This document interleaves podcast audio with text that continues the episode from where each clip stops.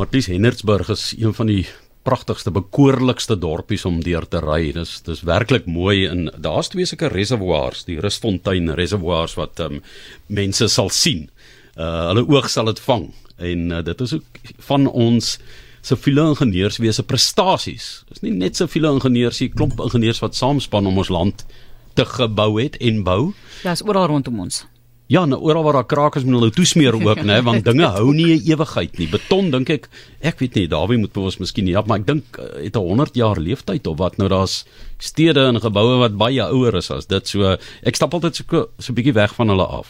Weet jy of ek reg is of verkeerd? Ja, nee nee, Dawie sal maar vir ons daardeur met neem, hy is 'n siviele ingenieur, Dawie, wat uh, vir homself kan praat en hy was onder andere vir 19 jaar die uitvoerende direkteur van die SA Instituut van Siviele Ingenieurswese en as ingenieur is hy tans mede-voorsitter van ProSet en dit is Science, Engineering and Technology. Dit is 'n onderafdeling vir die Nasionale Wetenskap en Tegnologie Forum. Baie welkom aan jou, Dawie, gelukkige erfenismaand, toerisme maand, boomplant maand, so gaan dit voort, né? En, en en toerisme dag vandag.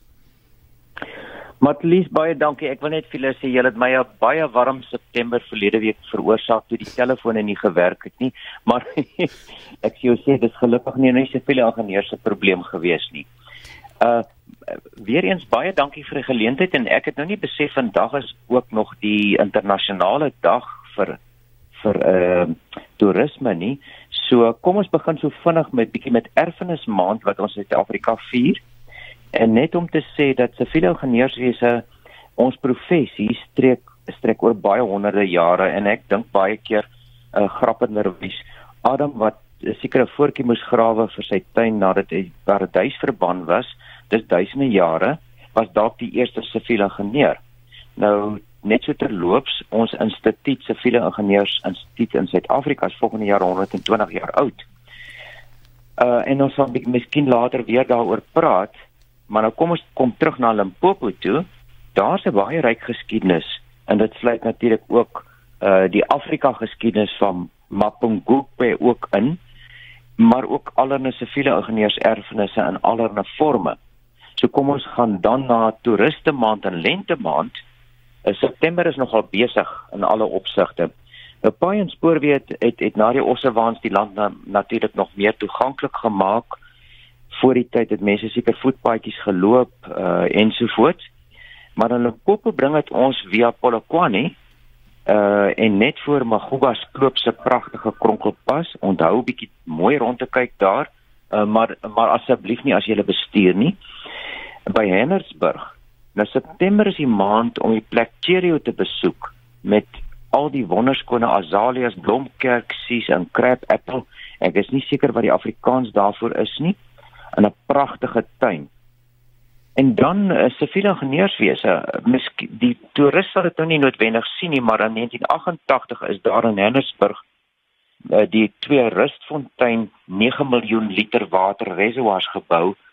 Baie interessante een gewees. Die dakke van hierdie reservoirs, dis nou die die, die betondakke, is van beton gemaak, maar dit is op die bodem van die reservoirs uh, aan mekaar gesit of gegiet en dit het eintlik gelyk toe twee swembaddens op die bodems van hierdie hierdie reservoirs. En daarna is die reservoirs toe volgemaak met water en die dak het gedryf. Nou kan jy nou glo beton kan ook dryf op water. En uh, tot heel bo en dit is toe aan die pilare vasgemaak.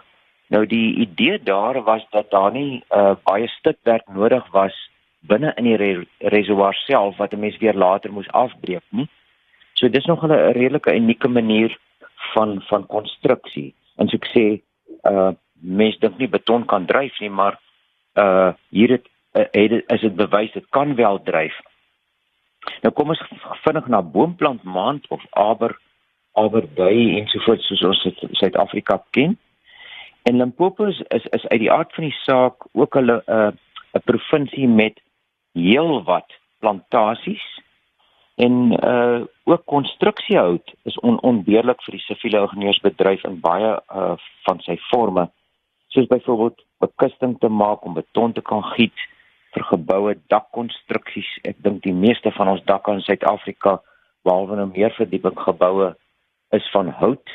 Ons al ons huise in elk geval meen ek is maar maar houtkonstruksies.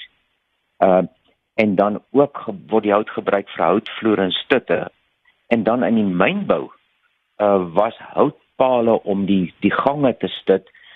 Nou ek wil net sommer die grappie vertel, mynbou uh ingenieurswese word dikwels gesien as siviele ingenieurswese maar nou in in 'n in 'n in 'n vertikale vorm, nie horisontaal nie. Nou ek ek kan vir julle sê die mynbou ingenieurs hou nie daarvan as ons sê dis siviele ingenieurswese net vertikaal nie, maar goed. En uh, dan 'n plant uh, net so interessantheidshalwe in Limpopo, die pragtige uh, boomplantasies is daar seker so 63000 hektaar plantasies en uit daai plantasies kom so 680000 kubiekmeter hout per jaar. Dis nou in paalvorm. Nou ja, hoe kry hulle die hout by die saagmeerders verder weg? Natuurlik met paaie en spoorweë.